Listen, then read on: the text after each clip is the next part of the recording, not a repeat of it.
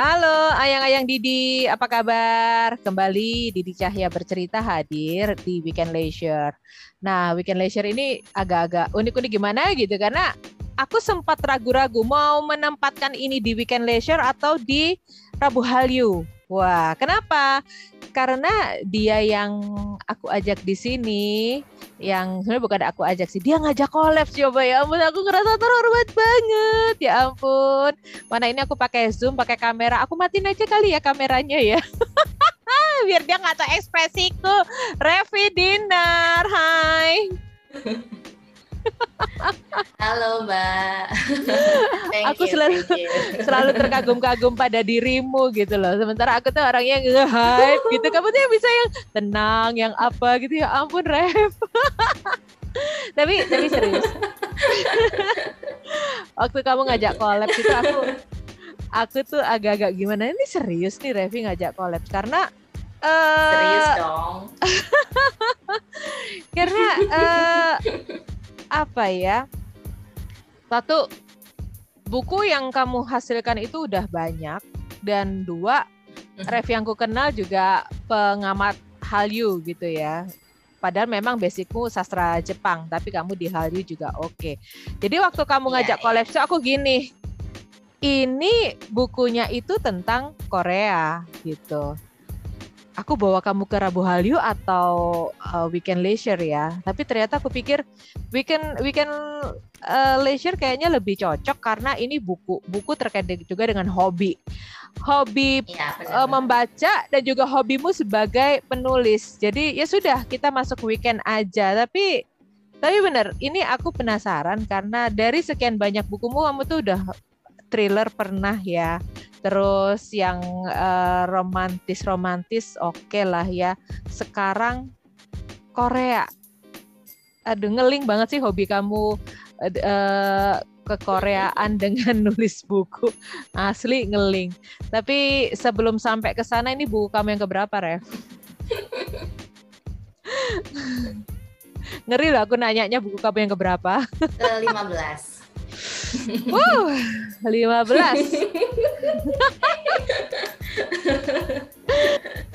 dan pertama kali alhamdulillah dan pertama kali kamu apa nulis itu uh, nulis buku itu sebenarnya ya, buku pertamamu tahun berapa?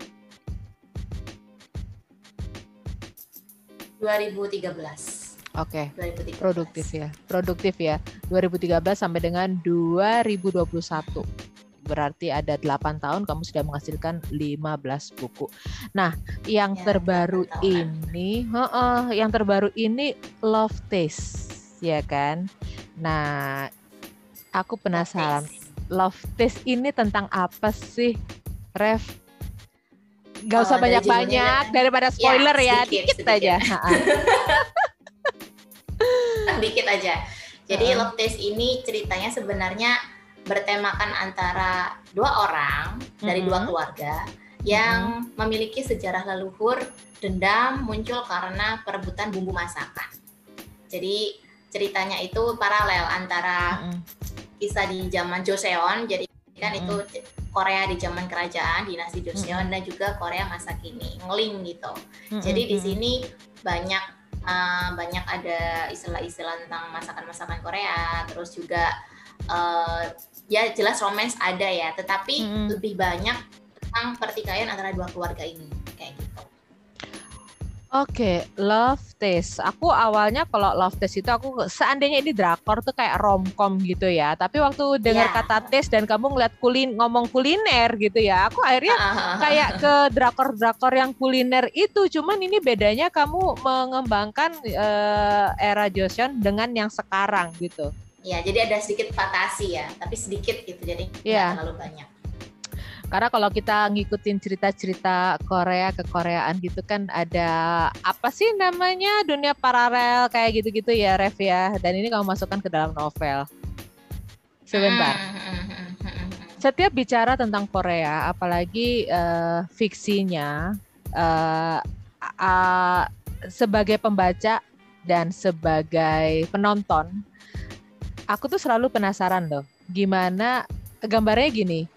uh, saat aku baca bukumu Love Test ini nanti karena aku terus terang ya ayang-ayang Didi aku belum baca buku ini baru banget gitu ya. Kebayang nggak sih aku nanti akan seolah-olah dibawa ke apa seperti drama yang seperti apa dalam buku ini. Bukan tentang ceritanya tapi tentang alurnya tentang apa itu aku akan kamu bawa ke mana. Happy kah penasarankah atau apa yang akan aku rasakan baca bukumu ini yang penting yang, yang jelas uh, lapar ya.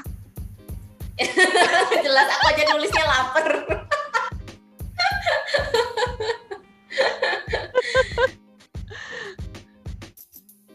Kalau menurutku sih ya lebih banyak ke penasaran.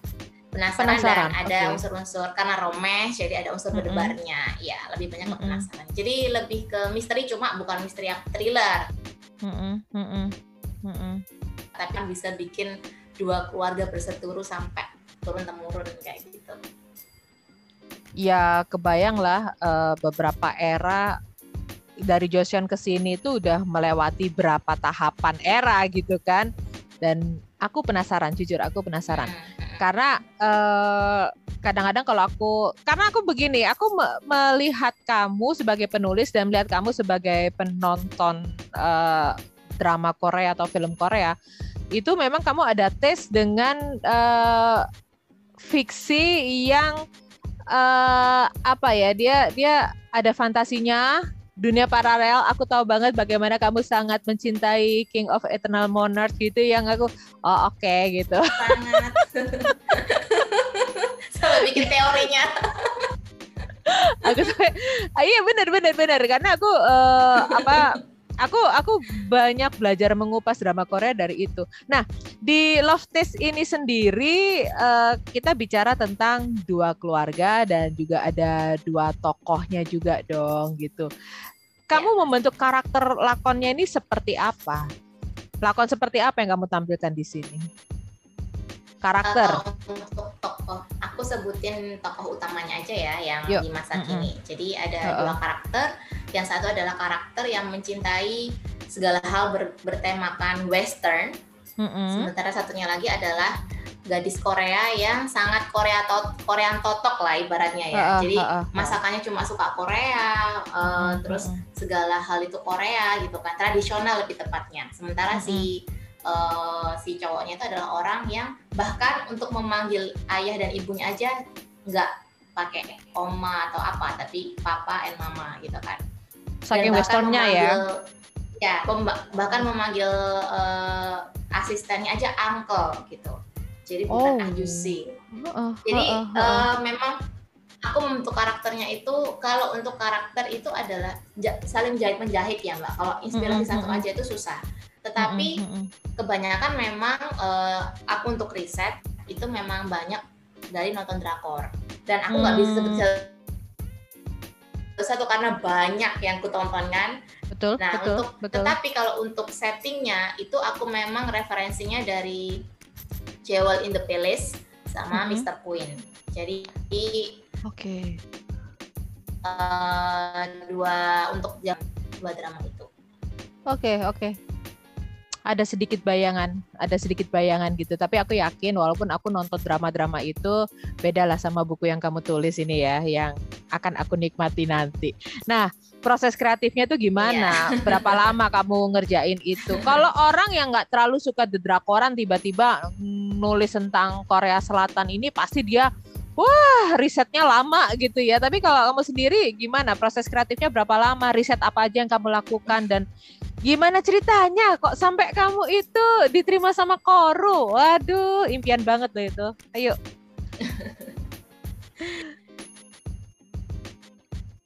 Jadi sebenarnya ini adalah cerita yang sangat panjang, novel yang hmm. untuk terbit butuh waktu lima tahun. Novel paling hmm. lama yang ku butuhkan untuk bisa ketemu sama jodohnya.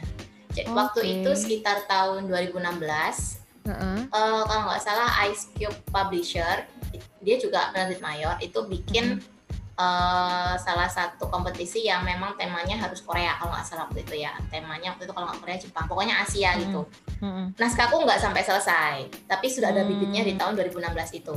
Kemudian di 2017 aku ikut kompetisinya Storyal biar ketemu hmm. endingnya gitu kan. ternyata setengah jalan pun sudah 80% nggak selesai juga karena aku bingung ini endingnya mau aku buat kayak gimana? Karena kan plotnya iya, iya, lumayan iya. agak kompleks ya. Jadi Betul. menyambungkan antara cerita yang di zaman Joseon dan zaman sekarang dan ini bukan kalau dibilang paralel ya nggak paralel banget jadi sebenarnya ada kayak semacam flashback gitu. Jadi ada semacam mm -hmm. beberapa alur mundur untuk menceritakan background cerita di masa kini. Mm -hmm. Terus akhirnya 2018 itu kutekatkan untuk menamatkan itu. Sudah kutamatkan. Lalu niatnya mau kupasang di uh, Wattpad Nah, mm -hmm. itu bahkan aku sampai uh, bayar desainer cover khusus untuk bikin cover di Wattpad karena aku mm -hmm. pengennya ini spesial gitu kan. Mm -hmm. Ternyata walaupun cerita itu tamat pun udah sudah ya lumayan ada pembacanya berapa puluh gitu. Mm -hmm. Tuh ya, dan aku memang orangnya tuh kan memang sebenarnya lebih suka karena aku feelingku begini, ini sebenarnya harusnya dia terbit di penerbit mayor. Nggak tahu, aku punya insting seperti itu seperti halnya waktu aku menerbitin Promise, Promise mm -hmm. di Bentang Pustaka terus uh, ketika akhirnya nggak selesai juga sampai ada yang tanya kak kenapa love waktu itu love for the taste judulnya waktu Wattpad oh, iya, nah iya, akhirnya iya. setelah nggak selesai ada yang tanya kenapa kak nggak tahu aku aku blank gitu kan Nah, tapi di saat beberapa waktu itu aku juga riset juga, bahkan aku sampai rajin uh, makan di resto Korea juga untuk hmm, menggambarkan mm -hmm. taste-nya, gimana sih mm -hmm. rasanya kalau makan ini makan ini kayak gitu kan. Terus akhirnya setelah aku beberapa beberapa kali membaca novel dari Haru novel-novel hmm. Koreanya kayak My Name is Kim Samsun terus uh, Moonlight apa itu ya aku lupa hmm. panjang banget judulnya aku rasa novel ini bakal berjodoh di Haru jadi oh. setelah selesai semua aku aku kirim 2018 Februari ingat banget aku mbak 2018 hmm. Februari tahun berikutnya nggak ada kabar aku uh-huh. kirim email penarikan naskah oh, ternyata iya. dari Haru sendiri ada perubahan redaksi ya jadi Haru ternyata memang khusus untuk kalau aku lihat sih lebih banyak buat menerjemahkan buku ya yeah. nah akhirnya dia pecah jadi Inari waktu itu Inari mm-hmm. bukan pecah ya tapi ada ada sister company ya jadi yeah, sister, sister company, company. Inari dia bilang kak coba di uh, ini akan otomatis di, dimasukkan redaksinya ke Inari oke okay, mm-hmm. aku tunggu oh mungkin masih dipertimbangkan kali ya karena mm-hmm. saya pikir gitu sampai 2000 itu 2019 2020 sekitar 2020 pertengahan ya kayaknya ah 2020 Februari juga aku udah uh, rasanya mungkin nggak kok nggak ada kabar sama sekali hmm. dan di saat itu juga sudah lahir Koru nah Koru oh. ini adalah sister company lain tapi khusus untuk ebook gitu jadi hmm. kalau Inari ini uh, untuk menerbitkan di cetak yang terbit di toko buku sama-sama mayornya yeah, tapi Koru yeah. memang khusus untuk di uh, itu ya, digital ya, untuk ebooknya kayak bentang pustaka uh. tapi snackbook gitu ya yeah. nah digital terus dikasih tahu uh, kak ntar ya nunggu waktu ini mungkin bisa diteruskan di Koru karena untuk penulis-penulis yang baru masuk di grupnya Haru itu hmm. nanti masuk ke Koru dulu wah ini kan oh. sebagai sebuah uh, pintu gitu kan karena sebenarnya ha. sama aja masuk Haru gitu kan cuma ha, mungkin ha, jalannya ha. digital dulu nanti kalau mungkin aku udah banyak fansnya atau apa aku bisa masuk Inari kayak gitu ya sudah aku tunggu lagi akhirnya mbak di bulan Desember 2020 Aha. lalu aku semakin putus asa. Aku rasa ini naskah ini gimana nasibnya? gitu kan. Jadi aku udah mulai itu aku udah nerbitin buku ke-13 buku ke-13 sudah terbitkan. Aku rasa mungkin ya udahlah terbit ini aja aku apa ya aku pakai biaya sendiri gitu kan. Lagian juga sama aja gitu mungkin ya udahlah feelingku ya udah pasrah gitu waktu aku aku ingat banget Desember minggu pertama tanggal 5 Desember itu aku mau kirim hmm. tiba-tiba ada email. Aku pikir itu adalah email yang menjelaskan bahwa mungkin aku tertolak. Ternyata editornya mengatakan naskahku diterima di Koru ah, ya alhamdulillah. Putus asa ternyata. Nah itu akhirnya editing segala macam dan ini juga belum selesai. Editing tuh sampai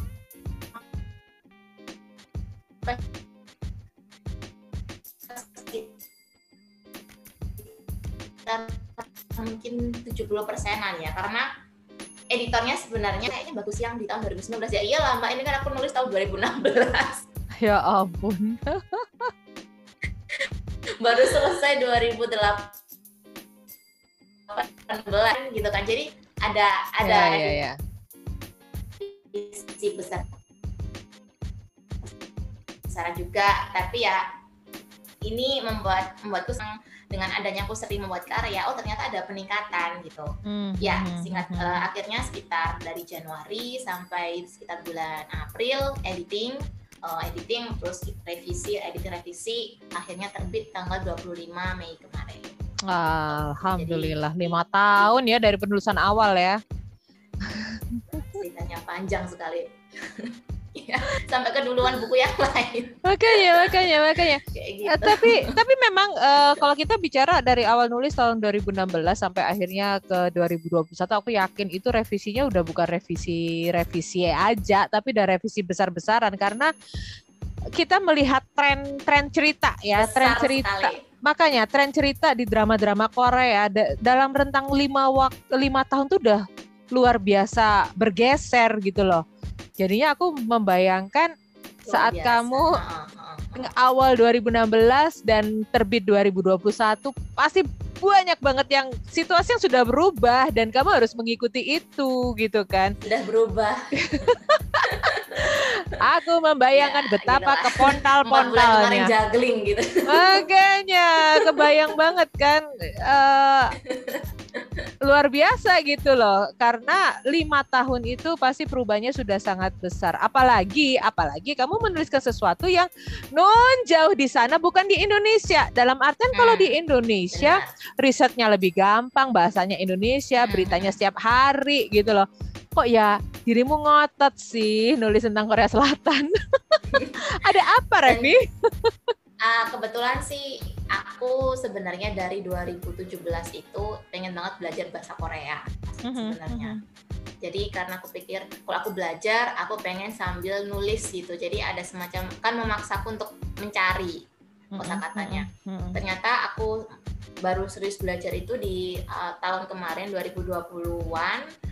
Terus aku mulai oh ternyata ada beberapa istilah yang mungkin perlu revisi. Ketika aku belajar bahasa itu, aku jadi tahu oh ternyata istilah budayanya seperti ini seperti mm -hmm. ini kayak gitu kan. Jadi lebih lebih mendalami gitu sih. Sebenarnya ketertarikannya karena ketertarikan drama lalu kedua bahasa. Jadi ketika aku sudah mulai makin menekuni bahasa Korea ini aku jadi makin sadar oh ternyata memang buku ini bisa aku buat lebih lancar ketika aku sudah lebih menekuni budayanya kayak gitu yeah. sih mbak Yeah, Jadi yeah. kenapa alasannya Korea ya simple sih karena yang pertama aku suka Korea dan kedua aku suka makan hmm. kayak gitu. Terus uh, banget ya di novel ini ya. dan aku suka uh, sesuatu mungkin kalau teman-teman yang suka romance yang biasa ya kan ada kiss, hug gitu kan di situ. Hmm. Di sini malah skinshipnya itu hampir nggak ada. Hmm. Jadi aku aku itu tertantang ingin bikin romance yang model-modelnya kayak Mr. Sunshine. Cuma kalau Mr. Sunshine kan terlalu melodramatis gitu kan. Tapi yeah. gimana sih cara membuat orang-orang itu bisa terpikat dengan ceritaku tanpa harus mengumbar skinship kayak gitu sih. Itu juga salah satu tantangan yang pengen kebuktikan di novel ini. Padahal uh, backgroundnya Korea kayak gitu. Ya, ya, ya. Kebayang gitu. Uh, Korea tes Indonesia kali ya di Indonesia. Eh tapi skinship ya, iya. ya kalau kita kalau kamu baca Mirawe Maria Asarjono dulu skinshipnya juga seru kok. iya. Ada beberapa yang aku baca kok. Cuma ini kan semacam menantang diri sendiri iya, aja betul, sih betul, betul, betul, betul. Enggak, bukan yang bukannya aku anti bikin skinship enggak. Di beberapa novel uh. juga ada, ada beberapa skinship juga. Cuma ini ingin semacam challenge aja sih karena betul. aku juga gemes gitu sama scriptwriternya Korea tuh mereka kok bisa gitu kan membuat aku baper cuma dengan gandengan tangan gitu loh mbak. Iya. aku emosi iya. emosi iya. karena iri. Eh bener loh ya. Aku aku gini gini gini gini, gini. aku aku nggak pengen bandingin ya Ref tapi terpaksa membandingkan gitu. Kayak kalau misalnya uh baru jadian gitu ya di sana baru jadian tuh pegang-pegang tangannya tuh yang pelan-pelan yang gimana? Kita tuh nontonnya tuh melok kerenyeng-kerenyeng gitu loh. Gemes gitu ya aku sampai ya ampun ya kayak gitu gila lah. iya kan dan dan ini uh, kita akan uh, dirimu membuat oke okay, kita tetap ada seperti ini tapi nggak sampai skinship yang seperti drakor-drakor ya. itu. Karena begini, Ref, aku pernah ya. juga menulis yang punya tanggung jawab moral begini. Aku menulis kisah tentang seorang selebriti yang dalam bahasanya itu ada tentang bahasa-bahasa tentang pedofilia, tentang apa ya, bahasa-bahasa sementara fans dia tuh kebanyakan anak-anak remaja perempuan gitu loh. Jadi aku tuh juga sempet yang ada tanggung jawab moral gitu loh, Ref. Gimana ya caranya aku menulis buku ini tapi juga bisa dibaca oleh fans-fans dia yang masih SMP gitu. Dan alhamdulillahnya diterima. Jadi ada klub buku ya, yang mak-mak gitu. ya, masih. Uh, uh, jadi mak-mak itu yang memperbolehkan anak-anaknya untuk membaca buku itu. Padahal kalau kita bicara buku itu sebenarnya kan ada satu apa ya? Ya pokoknya intinya uh, hal yang anak kecil itu kayaknya kalau tahu duluan kasihan deh gitu kan penyimpang seksual segala macam. Aku jadi bisa ya, memahami benar. posisi kamu sebagai penulis waktu nulis ini gitu karena nggak tahu kalau penulis lain ya. Kalau aku sih ngerasa memang kita tuh punya tanggung jawab moral sih ya. Kalau kalau aku sih gitu gitu. Jadi keren deh. Aku aku jadi nggak sabar pengen baca Love Test ini. Kalau mau baca gimana caranya, Ref? uh, kalau mau baca karena ini terbitnya uh. digital, teman-teman uh. bisa baca di aplikasi Lontara uh -uh. atau di aplikasi Cabaca. Kalau yang suka sesuatu yang kalau Cabaca kan per part ya, jadi nggak langsung. Uh -uh. Kalau suka sesuatu yang bikin penasaran, di Cabaca. Uh -uh. Kemudian bisa di Gramedia Digital dan yang terakhir bisa di Google Playbook. Jadi okay. bisa dipilih aja karena uh, range harganya juga beda-beda. Mungkin yang teman-teman yang paling mungkin yang paling terjangkau yang mana silahkan pilih aja di antara aplikasi-aplikasi itu. Oke, ini kalau ayang-ayang Didi pengen tahu lebih banyak tentang dirimu, tentang bukumu, dan juga tentang penerbit Koru, itu bisa ke medsos mana aja, Ref? Kalau untuk penerbit Koru bisa langsung uh, ketik aja penerbit Koru nanti muncul kok di Instagram. Oke. Okay. Sementara kalau Instagramku R E F F I underscore D H I N A R. Oke. Revi Dinar. Dan satu pertanyaan terakhir deh. Love test ini aku membayangkan akan bisa membawamu ke keberhasilan menulis tentang Korea, penulis Indonesia menulis tentang Korea. Akankah kamu bertahan di genre ini atau mungkin masih mau mengembangkan yang lain, Ref? Amin. ingin mengembangkan yang lain sih. Oh. Jadi uh, kebetulan aku udah sebenarnya aku lagi nulis novel juga sekarang, tapi mm -hmm. balik ke Indonesia lagi dan -hmm. ini terinspirasi dari setelah aku baca novelnya Keigo Higashino yang mm. itu ya uh, keajaiban toko kelontong Namiya dan juga cerita dari nenekku almarhumah nenek. Jadi mm. ada ada semacam cerita yang pengen aku kembangin dari dua novel ini. Jadi inspirasinya memang dari novel Jepang, hmm. cuma ceritanya nanti settingnya tetap Indonesia sih. Mungkin taste-nya agak-agak ke Jepangan nanti, cuma ya ya ya semoga nanti pembacanya suka. Aku tuh dulu juga pernah punya cita-cita itu hubungan sebenarnya sih klise ya, hubungan uh, orang Indonesia dengan Korea gitu. Tapi yang ya, lintas culture kayaknya seru ya. Dan aku nunggu novelmu yang lintas culture Indonesia Jepang deh, ntar aku tiru. sih mbak, yang judulnya oh, gitu ya? Script Book itu cuma uh -uh. itu kan sempet, uh, tapi itu Korea sih, jadi Korea uh -uh. Indonesia. Mau ku uh -uh. udah ku terbitin di GWP, tapi karena GWP itu kan websitenya itu menurutku kurang kurang user friendly ya jadi mm -hmm. ku unpublish mungkin mau ku publish ke Storyal sih habis ini ah dikit yang jelas infonya uh, informasinya akan kamu update terus di medsosmu kan Rev jadi kita bisa ngikutin iya, kan ya, medsos Oke, okay. terakhir dong Rev Dan apa yang bisa dibaca free uh, gitu kan. Uh, uh, ya ya ya uh, mau dari platform Wattpad mau kamu masukkan ke Storyal. Kayak gitu. GWP, Oke. GWP. Oh, GWP. Oke, Gramedia oke. Writing Project. Oh, GWP. Oke, oke, oke. Eh, terakhir deh, Rev, apa yang bisa kamu sampaikan kepada ayang-ayang Didi terkait bukumu ini, Love Taste, dan juga eh harapanmu nanti penulis-penulis Indonesia itu seperti apa sih? Oke. Eh, harapanku yang pertama untuk pembaca, semoga bisa menerima, em, bukan menerima ya, bisa lebih menghargai pengorbanan keluarga kalian. Jadi terkadang Hmm. kita ada di sini itu karena ada ada keluarga kita dan kadang-kadang kita mungkin merasa aduh kenapa sih kok orang tuaku terlibat masalah seperti ini hingga efeknya ke aku kadang gitu kan. Mm-mm. Ya ini kita tidak bisa memilih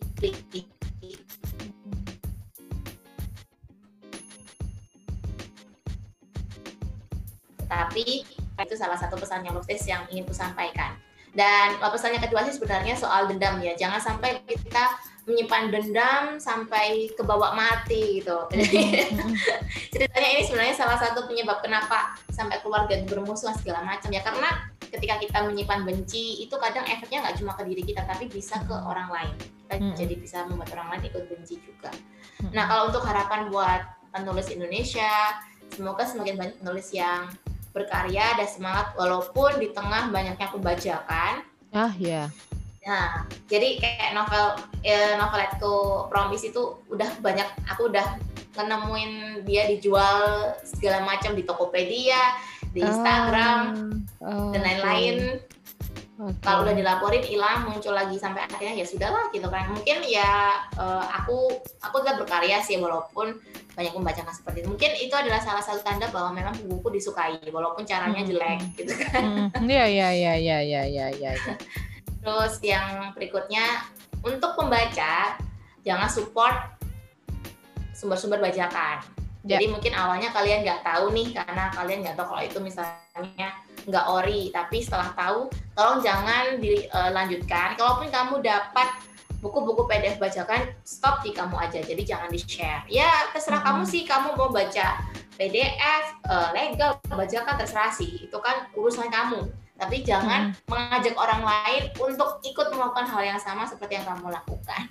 Jadi cukup stop di kamu aja karena itu private. Kamu mau beli buku ratusan ribu, beli bukunya di loakan terserah.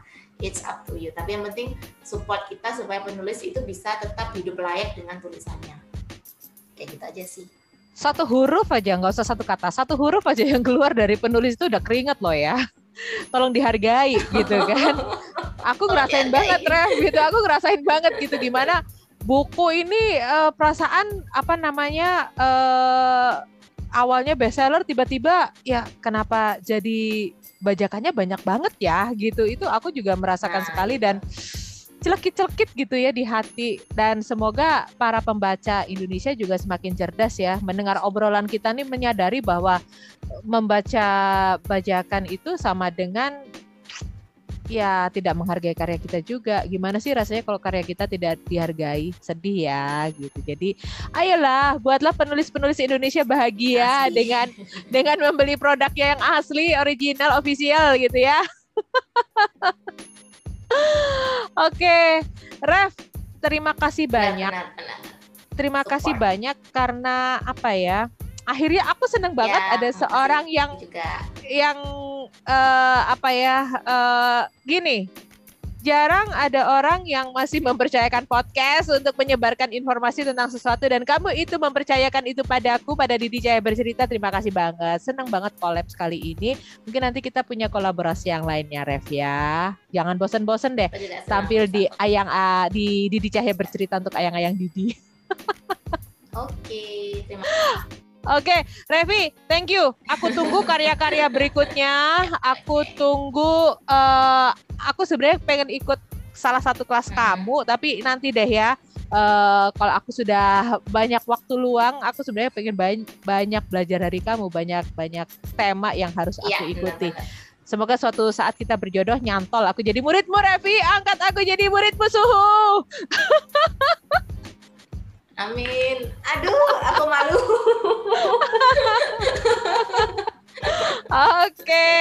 sekali lagi Revi, thank you ya.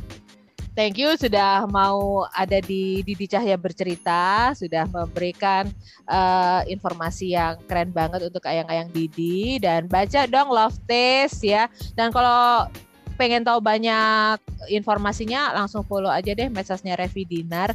Dia ada di mana-mana. Searching aja pasti muncul namanya. Oke yang ayang Didi? Itu dulu ya. Bikin leisure bareng Revi Dinar. Terima kasih Revi. Terima kasih ayang-ayang Didi. Sekali lagi siapa pun kalian kalau punya cerita ayo bagi cerita di Didi Cahya bercerita. Karena itu tidak hanya ceritaku. Bisa juga itu ceritamu cerita dia cerita mereka cerita kita semua. Bye